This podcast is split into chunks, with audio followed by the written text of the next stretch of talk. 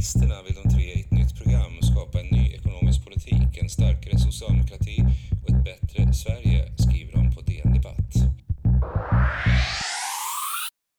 Det är det 42 avsnittet av Reformistpodden har vi precis dubbelkollat. Eh, och precis som vanligt så är jag Linn Svansbo i era lurar och du Sara Karlsson. Yes. Yes. Och det här 42 avsnittet kommer ägnas åt att prata om, inte om ekonomisk politik som vi gjorde i förra veckan och som vi ganska ofta ändå gör i den här podden. Ja. Utan åt eh, händelseutvecklingen i Iran. Ja. Och eh, vi har en eminent gäst med oss eh, för att hjälpa oss att, att göra just det.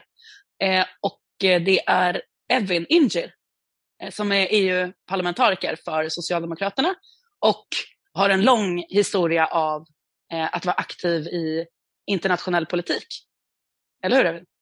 Ja men det stämmer och tack så jättemycket för inbjudan till det här. Varmt välkommen till podden.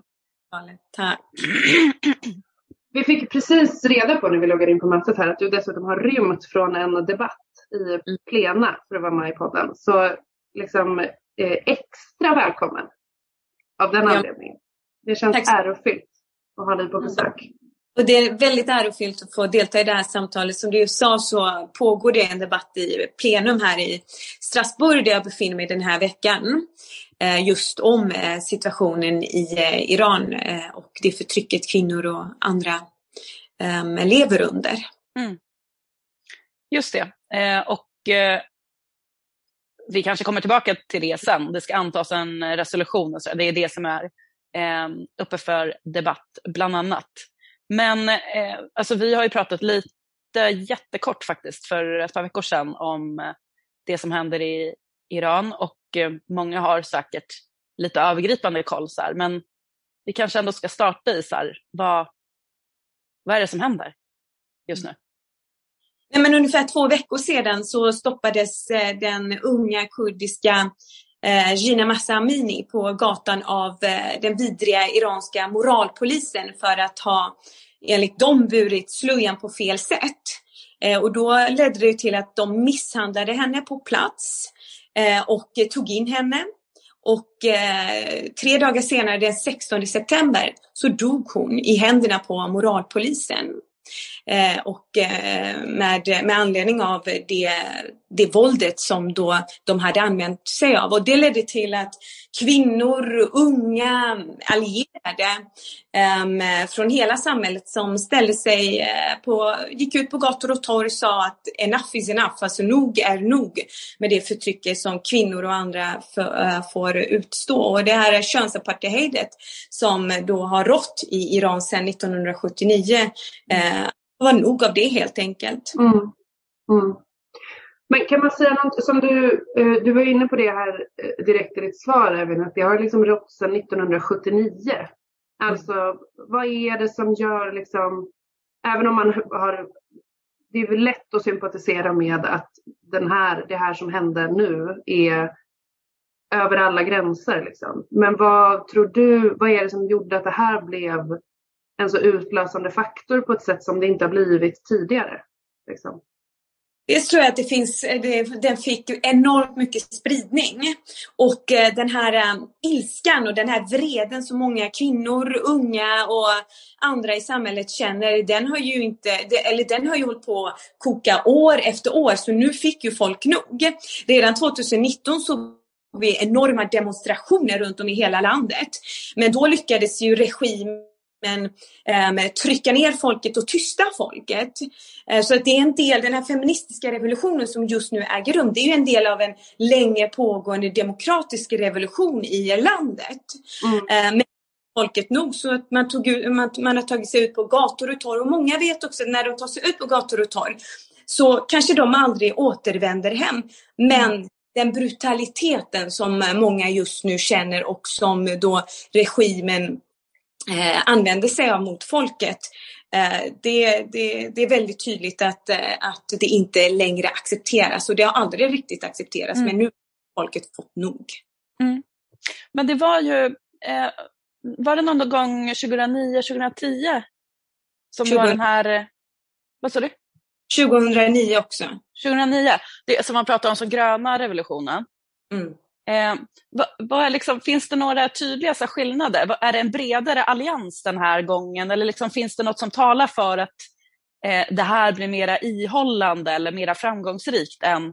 Eh, för, för den gången tyvärr slogs ju liksom, eh, protesterna ner eh, och den iranska regimen försöker ju igen slå ner eh, demonstranterna med våld. Men finns det, liksom, finns det några andra faktorer den här gången som, som gör att det kan bli mera framgångsrikt?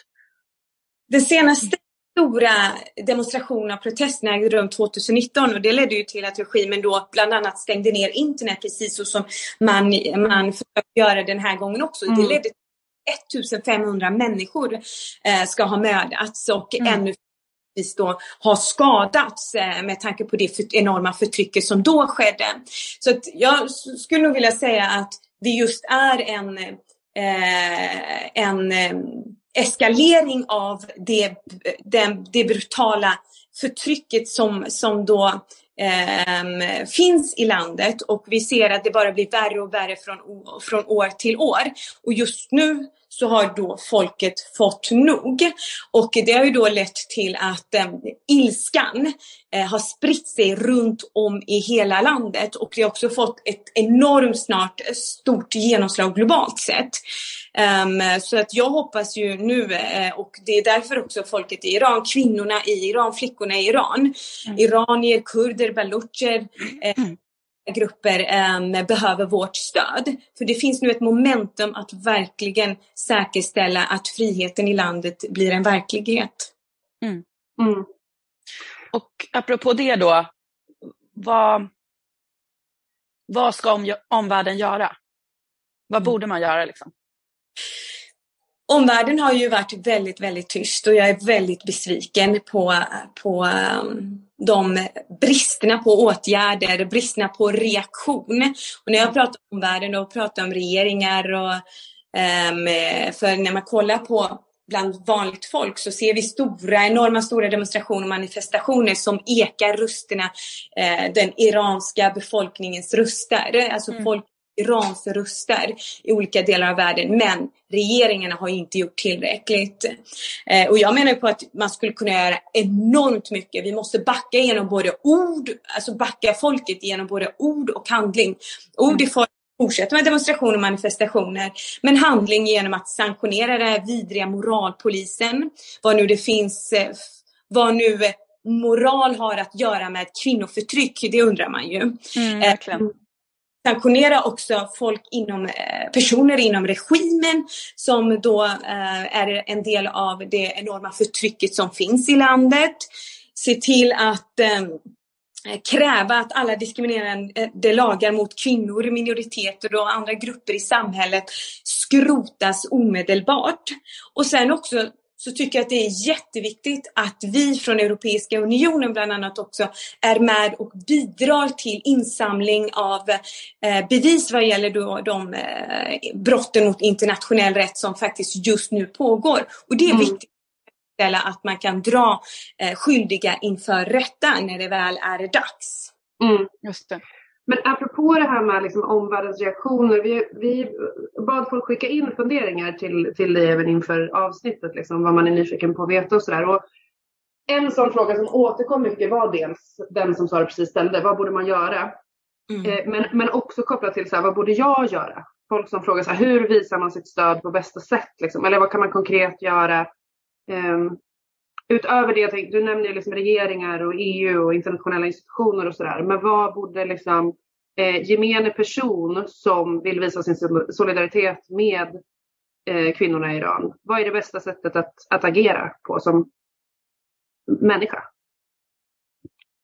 Jag tycker nog det bästa sättet är att fortsätta delta i manifestationer och demonstrationer för att eka just för, eh, alla folks i Irans eh, röst eh, utanför också eh, Irans eh, gränser.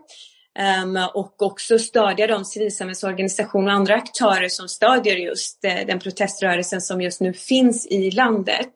Mm. Som individ så tror jag att eh, det är de bästa sätt, det, det bästa sättet som man kan agera på också faktiskt. Eh, sätta, alltså, trycka på eh, politiker, både på lokal, regional, nationell och EU-nivå. Eh, att göra vad gäller då, um, inte allra minst att se till att uh, få till sanktioner på, på ja, moralpolisen och andra aktörer uh, och de andra sakerna som jag tidigare nämnde. Så att um, det är ett par av många saker, eller ett par få saker av många saker som man skulle kunna göra. Mm.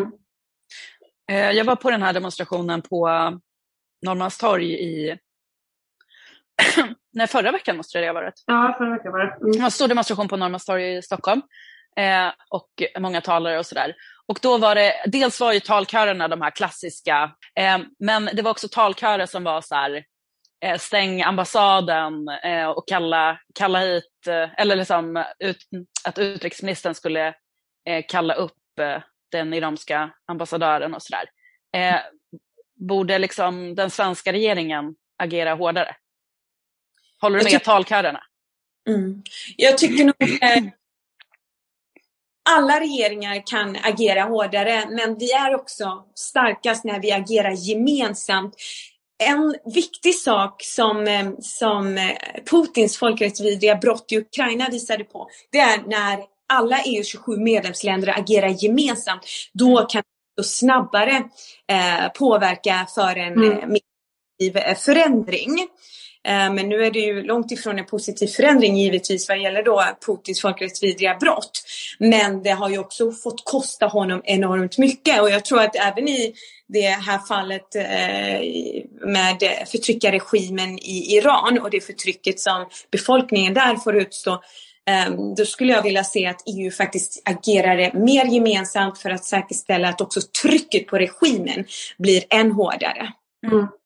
Men varför, varför gör inte fler, varför, varför sker inte det? Mm.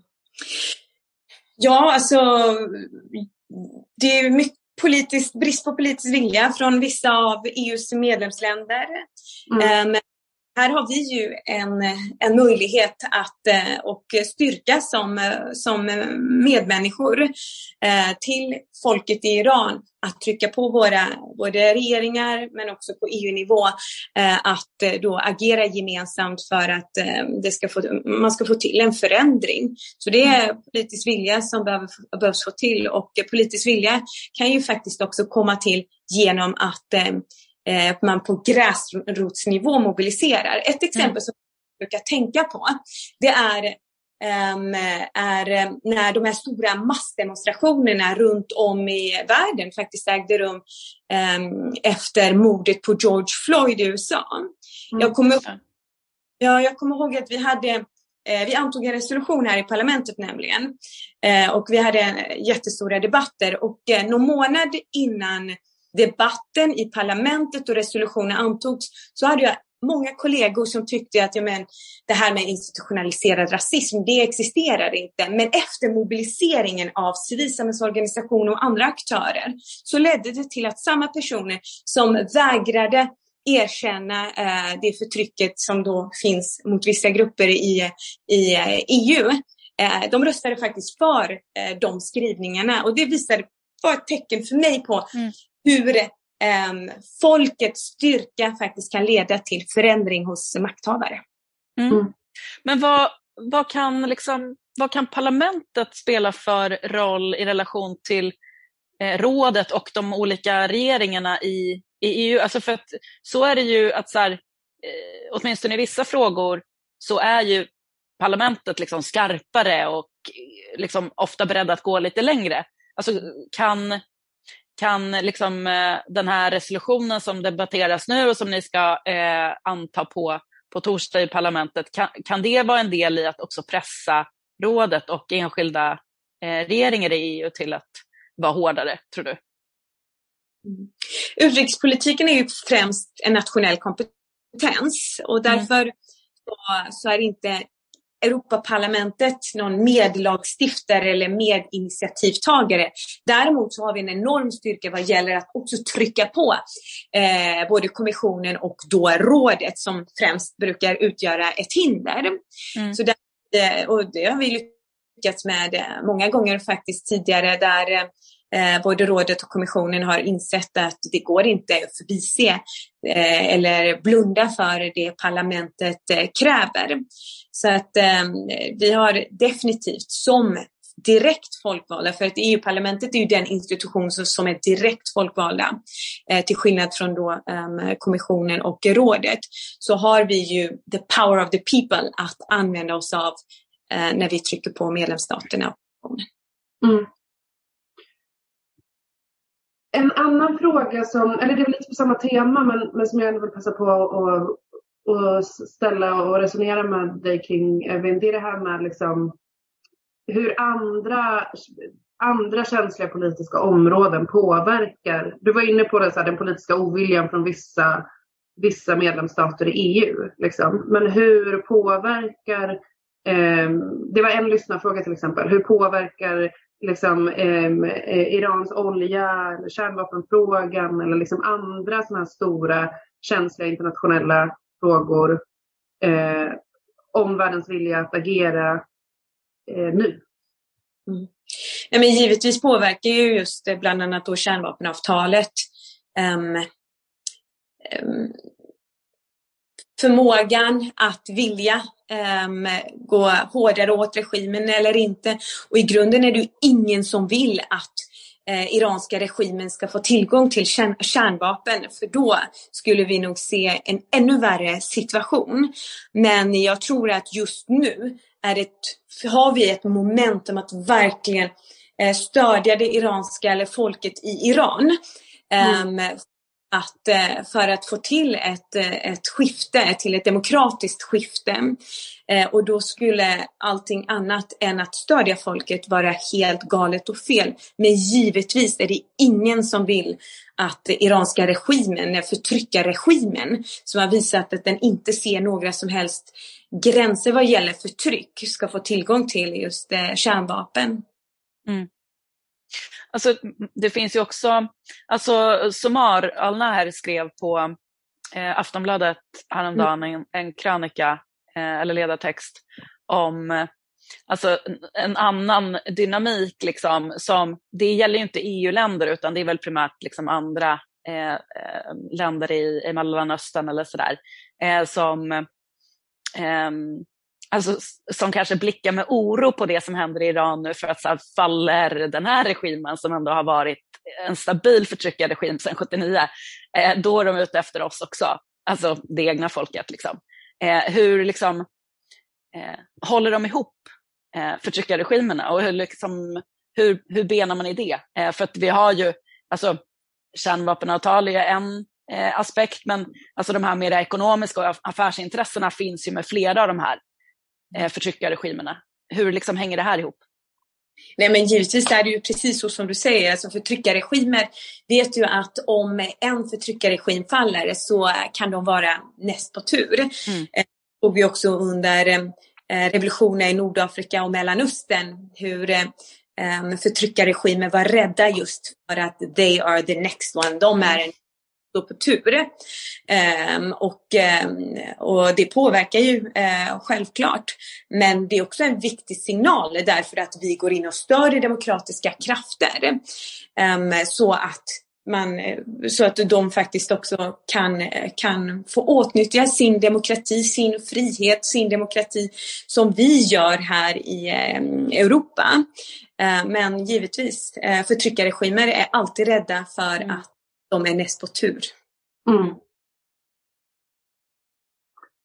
Um, en annan fråga som har kommit in i, i liksom, eh, frågelådan under dagen till eh, dig Evin, det är om eh, utöver eh, eh, mordet som blev den utlösande faktorn så är det flera som funderar på om liksom, det, eh, ja, men, läget i världsekonomin på något sätt har påverkat människors vilja. Alltså det finns ju exempel från, från andra länder och folkrevolutioner att det är liksom eh, det höjda priset på kollektivtrafiken i Sydamerika som blev droppen eller eh, eh Priset på bröd liksom, eller så ja, vetepriser. Mm. Exakt, att det är så den typen av liksom eh, vad, vad, vad, tror du? Är, är det, har det spelat in på något sätt eller är det Alltså 2019 var det ju det det bland annat handlade om.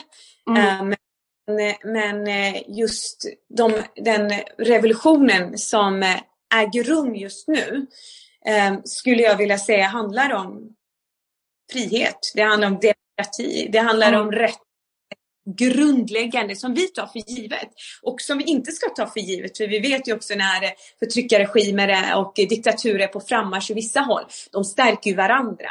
Mm. Så det som det handlar om just nu, det är ju det mest basala, vilket mm. givet självklart eh, rätten till mat, rätten till föda, rätten till att kunna få fylla sin mage helt enkelt också handlar om. Men just den här skulle jag nog vilja säga handlar eh, främst eh, om eh, grundläggande fri och rättigheter som demokrati, mänskliga rättigheter, jämställdhet.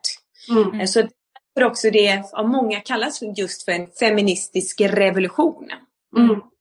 Ja, och det är ju, alltså, det var ju liksom inte heller, det var ju inte en politisk demonstration som, som gjorde, eller liksom, hon, hon manifesterade ju inte, det var ju inte därför hon greps. Hon bara försökte vara en 22-årig kvinna som bara få, vill få vara i fred. Liksom.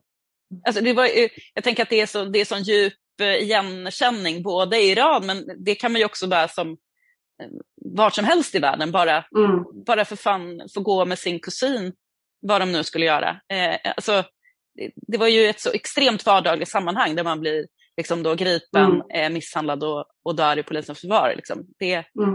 eh, det är ju sån, ja men det är på något sätt, det handlar ju om, om frihet såklart, men det är, det är, en, det är en så himla så vardaglig grej.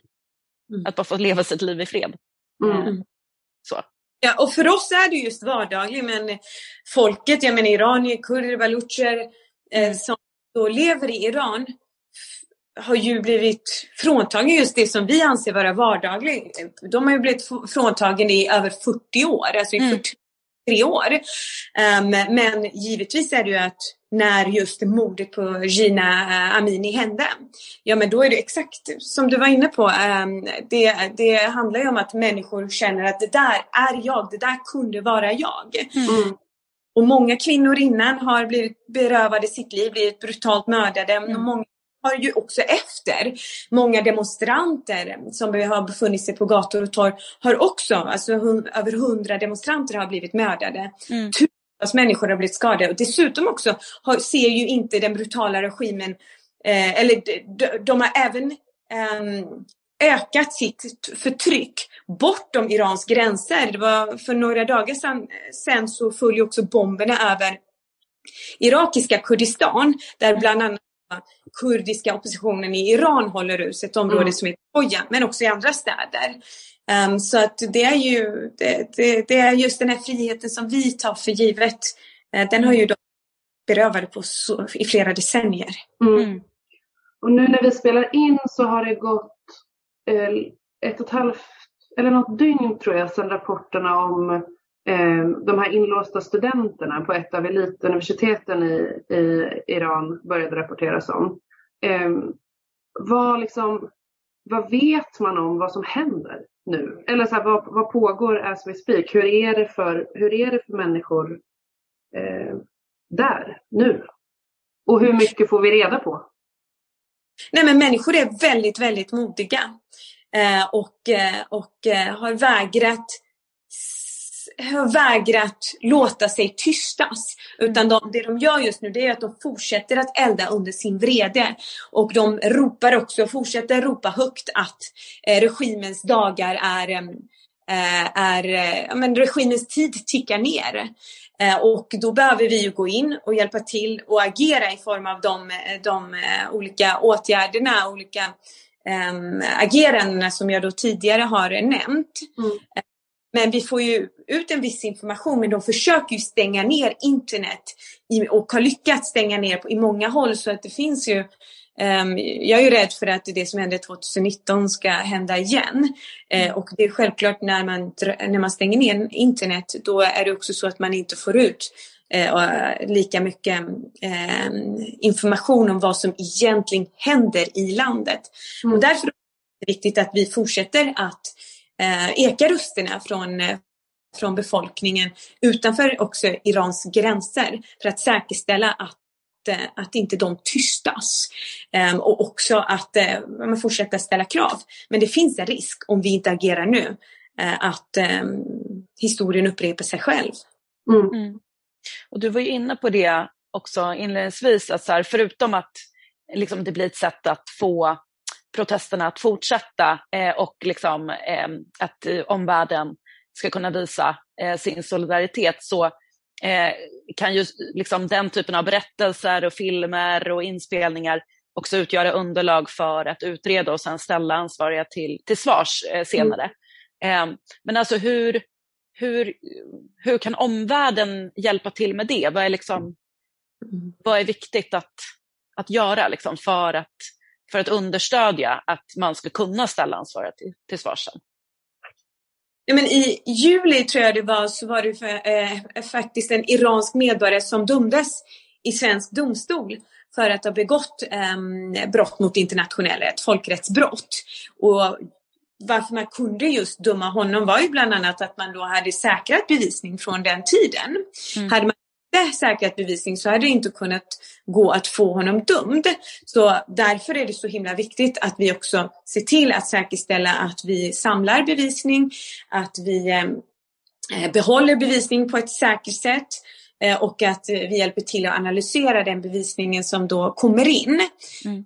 Eh, och eh, jag var ju faktiskt med i eh, maj månad tror jag det var och förhandlade fram på EU-nivå då en, en utökad, ett utökat mandat för Eurojust, alltså EUs rättsliga samarbete. För att säkerställa att man då kan göra alla de här processerna. Eller, och det var mest kopplat till situationen i Ukraina men den, det utökade mandatet, det mandatet Eurojust har, det kan ju också användas i andra eh, mm. områden, andra situationer.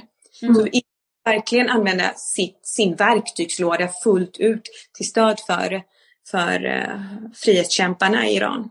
Mm. Men jag tänker också kopplat till den här frågan, vad kan jag göra som enskild person? Finns det några organisationer som jobbar med det här eh, som man kan stödja? Ehm, det finns eh, säkerligen många organisationer som man kan stödja. Jag själv främst då deltagit i demonstrationer och manifestationer. Jag anordnade också en manifestation utanför EU-parlamentet eh, i förra veckan där vi hade representanter från alla demokratiska partier i alla fall ehm, i parlamentet och, så, och försökte använda min, eh, min roll som lagstiftare att trycka på eh, både kommissionen och eh, rådet. Så att, eh, det, är, det har varit mina främsta sätt att mm. arbeta på. Eh, så jag kan inte nämna precis specifika organisationer men jag vet att det finns många organisationer som eh, aktivt jobbar eh, med att stödja folket på olika sätt. Mm. Du är ju också parlamentariker. Det här är det vi förväntar oss av dig. Eh, du ska snart eh, få rusa vidare Evin och göra, eh, göra jobbet som, som vi har pratat om här en, en stund. Men innan vi rundar av så skulle jag liksom avslutningsvis vilja fråga kring om, om, om historien inte upprepar sig, som mm. vi, du har varit inne på att, att vi hoppas att den inte gör och kommer kämpa för att den inte, inte ska göra. Vad kan man tänka sig händer framöver? Liksom? Eh, för folket i eh, Iran.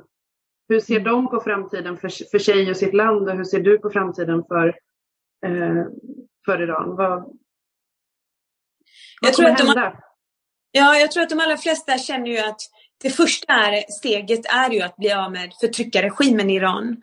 Mm. att se till att få gå från förtryck Eh, till demokrati, till frihet för hela befolkningen, för kvinnor och flickor, för olika minoriteter från alla delar av, av Iran, eh, oavsett om det är eh, områden där balucher är eller i Kurdistanregionen eller i andra områden så handlar ju eh, det första eh, målet, det första strävan, det första drömmen handlar ju om att bli av med den här regimen.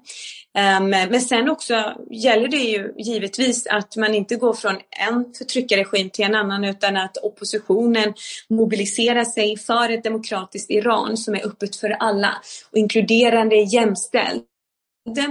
Ehm, och det kommer ju vara väldigt, väldigt viktigt att oppositionen håller ihop för ett demokratiskt eh, Iran. Men just nu nu är ju all fokus på, um, på att uh, bli av med den nuvarande förtryckarregimen.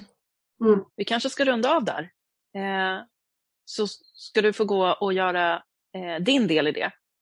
Eh, och min, jag och Linn har ju, alltså det här blir ju en, en del som vi gör, att också försöka hjälpa till att sprida eh, kunskap om vad det är som, mm. som sker. Men jag eh, hoppas att vi också ses på en och annan barrikad eh, i någon demonstration. Eh, för jag håller med dig även om att det, att det är liksom, eh, ett väldigt viktigt sätt att kanalisera eh, den ilska eh, och den energi som finns i de här protesterna. Eh, mm. Också i Bryssel eller Strasbourg eller Stockholm eller vart man nu befinner sig, Haparanda eller Ystad. Mm. Verkligen. Tusen tack för att du tog dig tid mitt i brinnande debatt, Evin, att komma till Reformistpodden.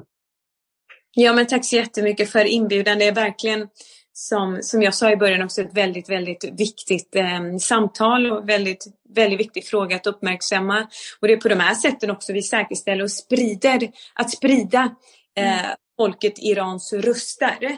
Eh, att säkerställa att ännu fler människor faktiskt är medvetna om den feministiska revolutionen som är en del av den länge pågående demokratiska revolutionen i Iran. Mm.